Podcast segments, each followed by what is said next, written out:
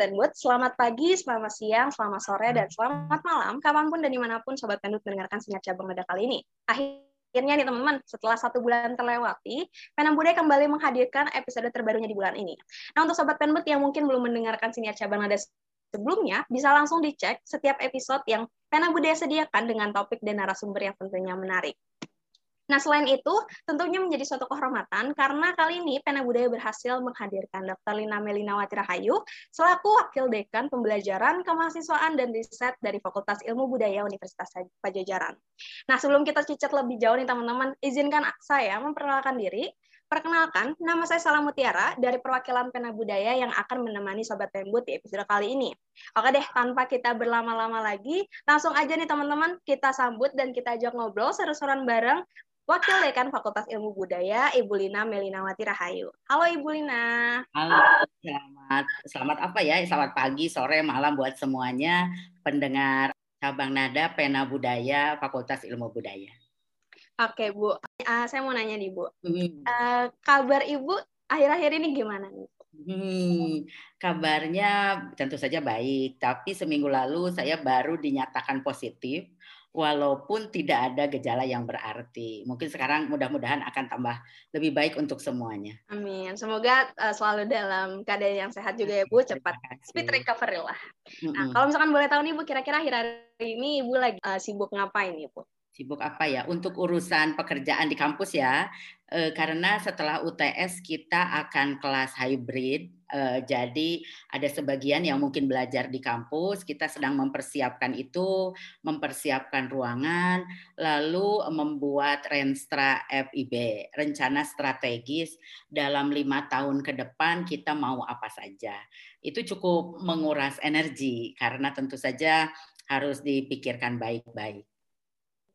Oke, teman-teman mungkin nih yang uh, lagi ngomongin offline dan online juga teman-teman buat nggak sabar kita tunggu aja kabar selanjutnya dari uh, Fakultas Ilmu Budaya ya teman-teman. Semoga bisa dalam selalu kondisi yang terbaik gitu. Nah teman-teman, kalau misalkan kita ngomongin tentang feminisme nih Bu, uh, feminisme nih ya. Seperti yang kita hmm. sama-sama tahu, Bu Lina ini menjadi salah satu narasumber yang paling cocok untuk mengisi episode kali ini. Mengingat artikel ilmiahnya juga yang dipublikasikan ini sangat erat kaitannya teman-teman dalam topik pembahasan kali ini, yaitu feminisme. Yang mana ketika kita ngomongin feminisme, yaitu nggak jauh-jauh nih teman-teman dari konsep gender. Nah, kalau misalkan kita ngomongin feminisme nih Bu, nih, Uh, kira-kira sebenarnya gender itu apa sih Bu dan apa yang membedakan gender dengan identitas seksual seseorang? Uh, sebetulnya uh, ahli feminisme di FIB itu ada kan dekan kita ya Ibu Profesor Akwarini. Dia sudah malang melintang dan penelitiannya fokus ke sana.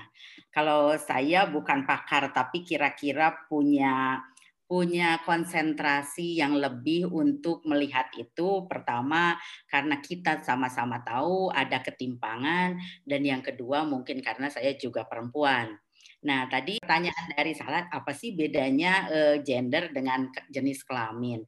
Kalau jenis kelamin kan kita tahu ya ada laki-laki dan perempuan. Tetapi gender itu bukan hanya laki-laki atau perempuan, tapi gender itu juga konstruksi sosial. Artinya konstruksi sosial itu kadang-kadang di kita ada salah pemahaman bahwa laki-laki tuh harus begini begini begini perempuan harus begini begini begitu begitu nah itu yang disebut dengan gender Oke, berarti kalau misalkan bisa ditarik sedikit kesimpulan gitu ya Bu, berarti hmm. uh, konsep pria dan wanita ini sebenarnya udah nggak lagi relevan mungkin ya Bu ya, nggak ada sesuatu yang membatasi perempuan harus melakukan ini atau pria harus melakukan itu gitu ya Bu. Hmm. Nah, ketika kita ngomongin gender nih Bu, kan nggak jauh-jauh ya Bu yang namanya dengan kesetaraan. Nah, sebenarnya sih Bu, yang dimasuk dengan kesetaraan itu apa sih Bu? Dan apa yang membedakan kesetaraan dengan keadilan gender gitu? Kenapa yang kita gunakan adalah konsep kesetaraan? Sebenarnya sama aja ya. E, kalau menurut saya, jadi begini, kita itu kan sering salah kaprah kalau ada karena kita dalam kepala banyak orang mungkin bukan e, kita tapi kepala banyak orang ada yang yang disebut dengan gender normatif seperti yang saya bilang tadi. Gender normatif itu laki-laki itu harus kuat, laki-laki itu harus bisa manjat pohon misalnya, harus bisa naik ke atas genting, perempuan itu harus lembut, harus ini. Nah, jadi dari awal kita kan sudah dibentuk dengan cara pikir yang keliru seperti itu.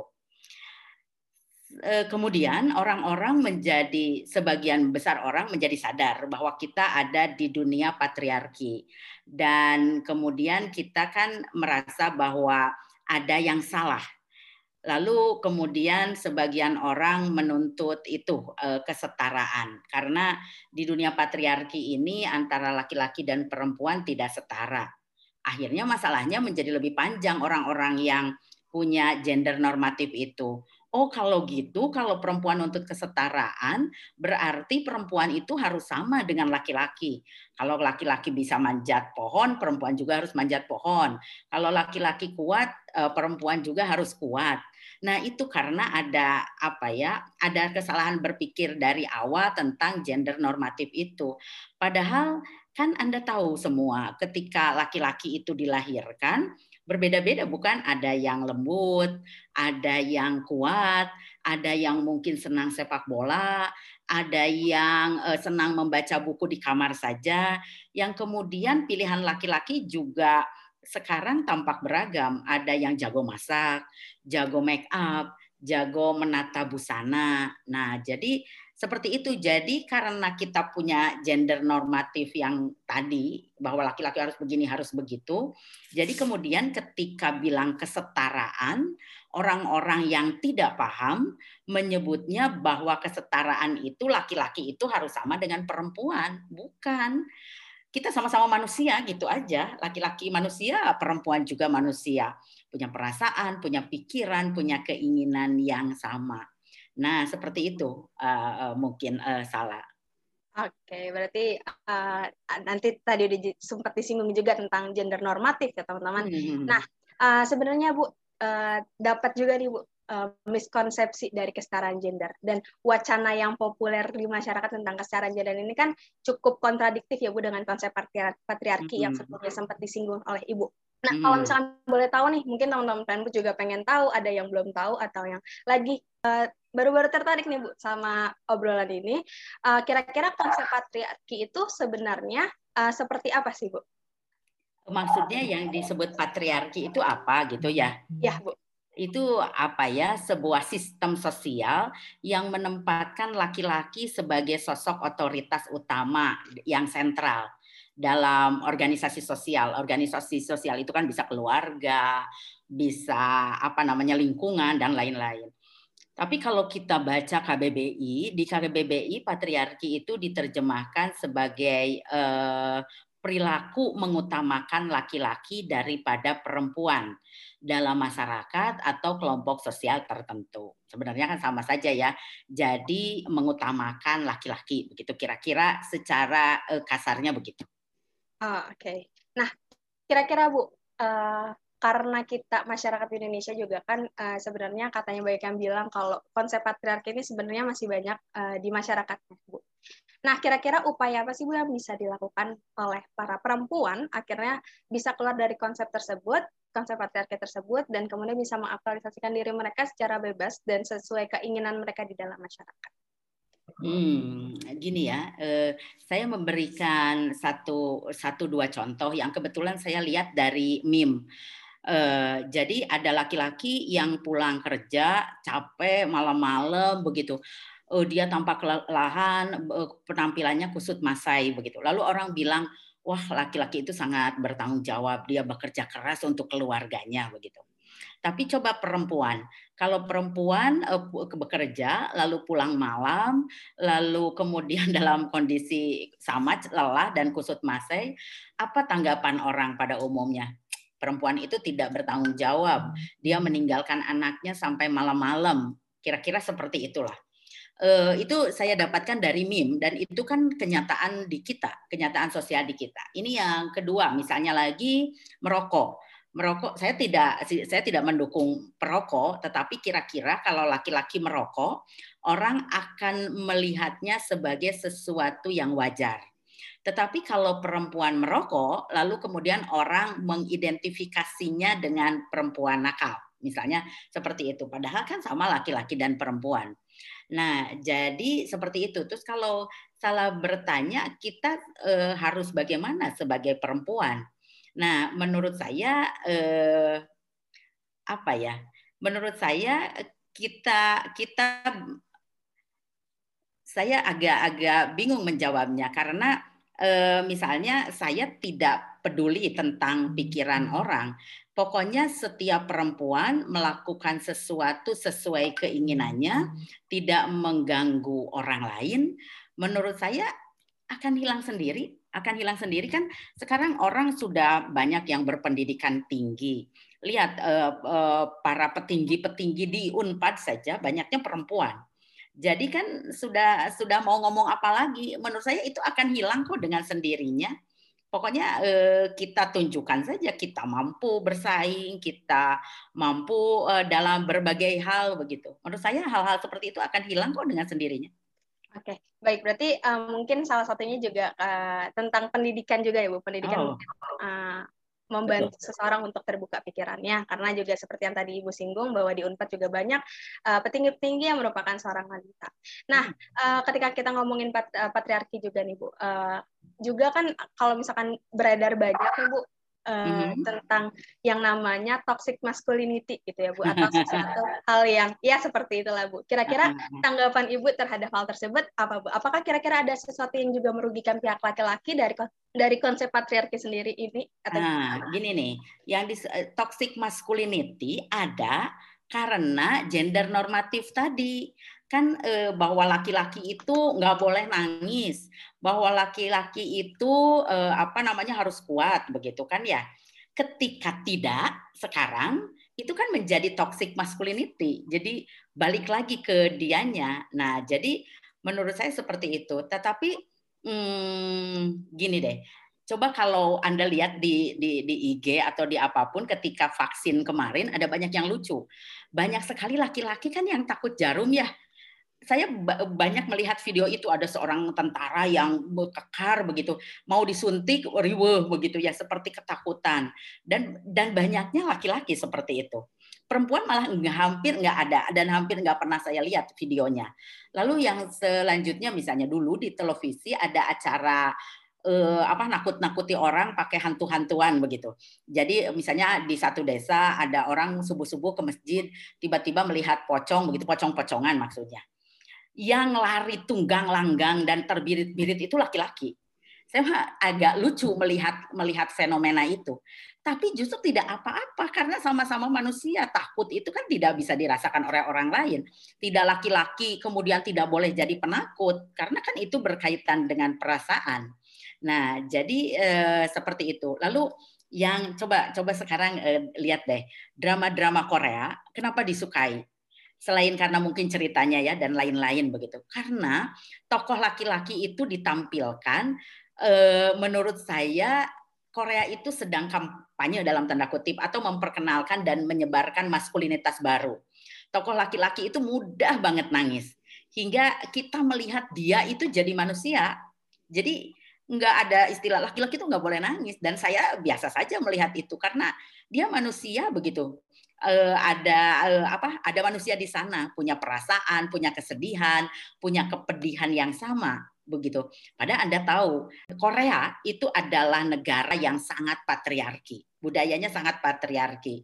Tapi uh, mereka mungkin memperkenalkan maskulinitas baru dengan cara seperti itu. Anda juga mungkin tahu ada uh, variety show The Return of Superman begitu bagaimana seorang laki-laki uh, mengurus anaknya tanpa bantuan istri atau orang lain. Uh, jadi dia memperlihatkan maskulinitas baru. Lalu laki-laki sekarang yang keren dan gagah itu tidak gondrong, maco, badannya besar begitu. Tetapi uh, yang uh, ngerti pakai skincare gitu sudah sudah berubah cara pandangnya. Dan itu juga ada di di acara-acara televisi, bukan? Oke, baik. Terima kasih Bu penjelasannya cukup sangat menarik banget dan kebetulan juga saya salah satu orangnya yang tertarik ya tentang uh, dunia-dunia Korea Selatan dan juga, juga salah satu penikmat uh, drakor-drakor Bu. Kalau saat ini okay, saya juga okay. sedang nonton 2521 yang oh, uh, iya, iya. dimainin oleh Nam Jo Hyuk dan Kim iya, iya, iya, iya. Yang itu, itu ya pemain pemain di startup yang dulu ya, yang Nam Dosan ya. Iya, itu Bu hmm. salah satunya. Uh, dan itu juga ya sih baru sadar ya Bu ternyata Korea juga uh, karena patriarki tapi mereka juga menunjukkan kalau eh, laki-laki uh, juga banyak yang menangis, laki-laki juga banyak menunjukkan kesedihan mereka. Saya juga baru sadar setelah ibu bilang gitu, Bu. Tapi nah, sengaja, menurut saya sengaja dalam kehidupan nyatanya nggak begitu. Korea itu sangat patriarki, tetapi mereka me, me, berkampanye tentang gendernya mungkin lewat dramanya. Hmm, iya iya, Bu. Baik. Hmm dan ya semoga pertelevisian Indonesia juga bisa uh, sebagus itu uh, kita sama sama menantikan hal tersebut. Nah, Bu, eh, kira-kira karena uh, kalau misalkan kita kilas balik sedikit nih, Bu, ke tanggal 8 um, Maret kemarin, Hari Perayaan. Perempuan Internasional, uh, itu kan banyak juga ya Bu aksi damai yang uh, dilakukan di Kota Bandung, di Jakarta, salah satunya juga kemarin di depan. Gedung Sate, dan kebetulan Pena Budaya juga meliput hal mm. tersebut. Dan banyak juga Bu orasi yang disampaikan, salah satunya adalah uh, terdapat banyak pertanyaan gitu ya Bu dari masyarakat sekitar tentang ada apa sih di hari itu gitu Bu. Nah hal tersebut kan juga mungkin menunjukkan bahwa masyarakat ini masih belum mengetahui secara menyeluruh gitu tentang uh, hari perayaan tersebut. Nah kira-kira Bu untuk uh, mengkampanyekan atau mensosialisasikan secara meluruh gitu ya Bu, uh, para perempuan dan masyarakat ini bisa melakukan apa Bu uh, atau untuk mensosialisasikan secara menyeluruh gitu Bu. Silahkan. Hmm gini gini. Uh, jadi kan itu Hari Perempuan Sedunia. Anda tahu kan gerakan feminisme itu kan ada beberapa gelombang dan itu untuk memperingat untuk mengingatkan kita bahwa kita ada di dunia patriarki dan kita masih belum setara. Jadi kira-kira seperti itu. Dan itu kan dirayakannya sedunia. Di Indonesia kan kita punya eh, simbol-simbol itu juga. Misalnya 21 April itu kan Hari Kartini juga diperingati sebagai eh, hari yang sama. Lalu eh, menurut saya itu kan menyadarkan kita bahwa kita dalam posisi yang tidak setara. Kita eh, menyadarkan kita dan kesadaran itu penting. Setiap kesadaran itu penting. Sadar bahwa saya gendut misalnya, saya tidak langsing, jadi saya tahu harus pakai baju seperti apa. Sadar bahwa saya tidak pintar, jadi saya harus belajar sekuat apa.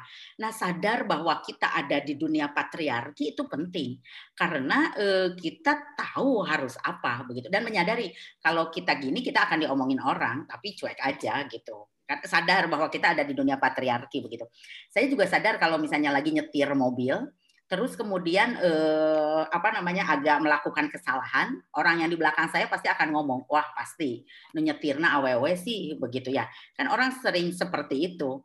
Nah, eh, saya sadar akan di, dikatakan seperti itu. Makanya saya akan menyetir sebaik-baiknya agar, agar fenomena itu hilang begitu. Mungkin itu. Oke, Bu ngomongin tentang pendapat orang juga tadi ya Bu. Ya. ya. Orang juga kayak sering bilang uh, kayak apa tuh tadi uh, yang nyetir si perempuan sembarangan sen kanan belok kiri gitu. Nah, Mungkin iya, kayak iya. gitu salah satunya Bu ya. Hmm. Nah, uh, beberapa bulan yang lalu atau uh, sempat ramai juga nih Bu tentang hmm. uh, viral suatu apa namanya child free gitu ya Bu ya katanya nah, salah satu iya, iya, youtuber iya. Indonesia gitu mm-hmm.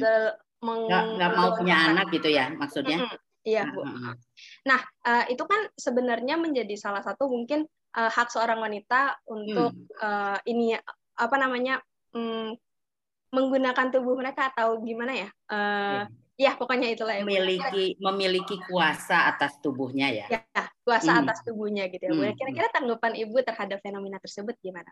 Oh, gini. E, menurut saya bukan hanya perempuan, perempuan dan juga laki-laki memiliki kuasa atas tubuhnya. Dan kita paling tahu kan dengan tubuh kita. Misalnya saya beri contoh, saya tidak biasa tidur tidak memakai bantal gitu orang tidak boleh ngomong karena tahu gitu. Eh, karena saya yang paling tahu kalau saya pakai bantal pasti akan tidak nyaman. Kira-kira seperti itu.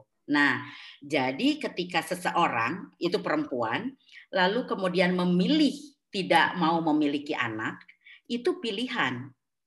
Menurut saya, ketika orang memilih sesuatu, pasti ada motif atau alasan ketika orang melakukan keputusan atau mengambil sebuah keputusan itu pasti ada motif atau alasan begitu. Nah, kalau kita seorang scholar, kita seorang terpelajar, ya sudah kita hargai keputusan orang lain sebagai manusia.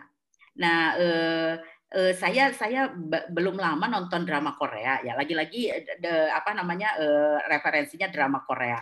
Judulnya Because This Is My First Life begitu di sana tentang hubungan laki-laki dan perempuan. Tetapi yang yang bagus pesan di akhirnya si naratornya ngomong gini gitu. Apa pentingnya sih aturan di Korea katanya? Karena tahu bahwa Korea itu sangat patriarki. Bagaimana menantu ke mertua dan seterusnya begitu ya. Eh, baik kamu menikah atau tidak, apa pun pilihanmu, tidak ada yang salah begitu itu kan sedang dikampanyekan bahwa kita harus menghormati keputusan orang lain. Kalau eh, salah bertanya pada saya, saya sangat menghargai setiap keputusan orang. Dan kenapa saya ikut campur? Itu kan bukan badan saya, itu kan bukan tubuh saya. Dan ketika orang melakukan itu, pasti orang punya alasan sendiri. Oke, baik. Uh, terima kasih Bu penjelasannya. Semoga juga banyak uh, orang-orang di luar sana nanti yang uh, memiliki pola pikir yang sama dengan Ibu untuk tidak mengurusi mungkin sesuatu yang bukan di ranah mereka ya Bu ya. Iya, iya, iya. Oke, Bu. Uh, ke pertanyaan selanjutnya nih Bu. Uh, tentang kejahatan seksual nih Bu yang sekarang juga merajalela bukan cuma uh -huh. di luar kampus aja Bu tapi juga di lingkungan kampus yang uh -huh. seharusnya menjadi tempat aman gitu Bu ya. Uh -huh. Nah, bagaimana sih Bu uh, reaksi dekanat mengenai hal tersebut dan mungkin ada tindak lanjut dari dekanat yang uh, sedang diproses kira-kira perkembangannya seperti apa? Gini ya, menurut saya kejahatan seksual ini bukan sekarang semakin merajalela, tapi dari dulu sekarang itu seperti puncak gunung es. Kan gunung es itu puncaknya kelihatannya sedikit, di, di bawahnya besar sekali. Sekarang eh, kenapa ramai dibicarakan? Karena banyak yang mulai sadar dan banyak yang berani speak up atau bersuara. Kejahatan seksual ini adalah kejahatan yang paling sulit dibuktikan jadi kalau dulu kan harus ada bukti. Buktinya gimana? Kalau misalnya Anda diremas payudara oleh orang lain, bagaimana membuktikannya? Kan tidak bisa. Payudara Anda baik-baik saja, bukan? Nah, jadi eh, korban itu adalah bukti. Jadi sekarang tidak ada bukti lagi. Korban itu adalah bukti. Di negara-negara lain sudah seperti itu. Kalau korban ngomong itu bukti. Karena korban untuk ngomong saja itu butuh keberanian yang luar biasa. Jadi korban itu sudah kita anggap sebagai bukti. Nah, eh, yang salahnya di dunia patriarki kadang-kadang kalau ada orang yang dilecehkan begitu, eh, oh saya kembali sedikit ya, karena orang itu kalau pelecehan seksual aib begitu, malu mengatakannya. Sekarang jangan jangan seperti itu. Kalau misalnya kita ditabrak mobil kita begitu, kita tidak malu kan untuk menuntut begitu. Tapi kenapa kalau hak tubuh kita kita menjadi malu begitu. Karena mungkin kondisi masyarakat kita seperti itu dan juga seperti saya bilang tadi susah dibuktikan. Jadi kalau korban mau ngomong itu kita akan hargai karena dia akan menyingkirkan semuanya. Termasuk dia punya eh, apa namanya eh, tenaga lebih untuk mau bicara. Nah, kadang-kadang kalau korban eh, ada korban ngomong, tanggapan orang, nah ini yang kadang-kadang bermasalah malah bilang begini misalnya oh, pakai baju seksi sih bajunya terlalu ketat begitu. Eh anda harus tahu kalaupun ada wanita tidak memakai baju sekalipun tidak boleh diapa-apakan. Nah jadi eh, jangan ada alasan pakai baju seksi atau apa pun. Nah jadi karena ini kemudian diatur oleh eh, ini karena ada di di banyak universitas begitu Eh, eh, kasus ini, lalu kemudian Menteri mengeluarkan peraturan Permendikbud nomor 30 tahun 2021 karena sangat sangat banyak eh, apa namanya kasus yang terjadi. Lalu kenapa kok harusnya kampus itu tempat yang aman? Nah, justru karena ada hubungan hierarki, Jadi yang aman itu lebih aman begitu. Jadi kampus yang harusnya aman, pelakunya jadi lebih aman. Ada hubungan hierarki seperti itu. Coba Anda tonton banyak film yang menunjukkan bahwa itu susah dibuktikan. Misalnya ada film penyalin cahaya. Lalu Kemendikbud sekarang mengeluarkan film-film pendek uh, demi nama baik kampus. Jangan menyalahkan korban, berani bicara. Itu menunjukkan apa? Menunjukkan sulitnya hal itu dibuktikan. Nah, sekarang kita bagaimana reaksi dekanat untuk menanggapi ini? Eh, yang pertama kita mengecam semua tindak kekerasan seksual dan tentu saja kita akan berpihak pada korban. Apa yang kita lakukan? Langkah yang paling dekat adalah kita menyediakan hotline. Kita akan memberikan nomor WA yang bisa langsung dihubungi kapan saja. Mungkin nama tagline-nya lapor budekan atau apalah ngadu budekan. Kita akan berpikir Eh, apa namanya. Tapi korban bisa lapor. Dan kalau korban lapor kita tidak akan tanya ulang karena dia sudah punya luka batin. Kita tidak akan korek lagi lukanya. Korban cukup satu kali lapor, bisa langsung, bisa lewat rekaman, bisa lewat tulisan, bisa bicara pada temannya dan itu sudah cukup menjadi bukti. Lalu kita akan membuat laporan ke universitas dengan memanggil pelaku. Lalu kemudian pelaku akan kita beri sanksi dan sanksinya dikeluarkan oleh universitas. Jadi kita membuat laporan fakultas itu, lalu kita mengajukan sanksi apa yang harus diberikan, lalu laporan itu kita kirim ke universitas, nanti surat keputusan atau SK-nya keluar dari rektorat. Nah, jadi itu upaya kami. Ini adalah sesuatu yang serius. Jadi kita akan serius juga menangani ini semua. Mungkin itu uh, salah. Oke, baik. Terima kasih Bu dan alhamdulillah alhamdulillah banget sudah ada perkembangan dari pihak kampus menanggapi hal tersebut. Jadi teman-teman, uh, buat teman-teman nih yang pengen mungkin pengen tahu di kampus itu ternyata udah ada hotline untuk pelaporan kekerasan seksual dan hal tersebut nggak akan ditanya lagi nih teman-teman. Lapor langsung akan dieksekusi dan kampus pasti tentunya akan selalu berpihak kepada korban berarti ya bu ya? Ya tentu. Dan uh, teman-teman untuk uh, tadi yang sempat aku uh, sempat menarik banget nih bu tentang nggak ada korelasinya antara pakaian dengan pelecehan seksual. Ya, nah itu menjadi salah satu uh, yang harus disadari oleh teman-teman uh, oleh para pelaku ya khususnya bahwa uh, melakukan tindak kekerasan seksual adalah pilihan dan uh, kita bisa memilih untuk tidak melakukan tindak kekerasan seksual. Oke, okay, teman-teman banyak banget nih ternyata yang uh, udah kita obrolin dari dari mulai gender tentang perbedaan gender dan identitas seksual juga nanti tadi tentang gender normatif yang sempat disinggung oleh Bu Lina. Mm -hmm dan gimana upaya wanita untuk mengeluarkan diri dari konsep patriarki. Tapi rasanya kurang afdol nih teman-teman kalau kita nggak dengerin closing statement yang akan disampaikan oleh Bu Lina untuk menutup perbincangan pada episode kali ini. Nah, untuk Bu Lina, mungkin boleh Bu menyampaikan closing statement untuk Sobat Tenbut yang sedang mendengarkan siniar cabang nada kali ini. Untuk para perempuan ya, untuk para perempuan atau untuk semuanya? Untuk uh, boleh untuk perempuan dan boleh untuk semuanya. Mungkin untuk perempuan kali ya boleh bisa. Perempuan saja ya lagi karena spesifik yang kita bicarakan. Menurut saya ketika kita yakin berada di jalan yang benar, jangan takut, maju terus. Oke, terima kasih Bu, sangat luar biasa. Teman-teman harus maju terus dan harus uh, bisa uh, menuntut. Uh, Oke, okay saya jadi gugup bu. Oke teman-teman, makasih karena banyak banget nih juga yang udah kita sampaikan. Dan karena keterbatasan waktu juga nih teman-teman, dengan berat hati aku menyatakan bahwa obrolan kali ini cukup sampai di sini. Nah teman-teman kalau misalkan ada yang topik yang pengen teman-teman dengar juga dari cabang nada bisa langsung request ke Instagram kita @penabudaya.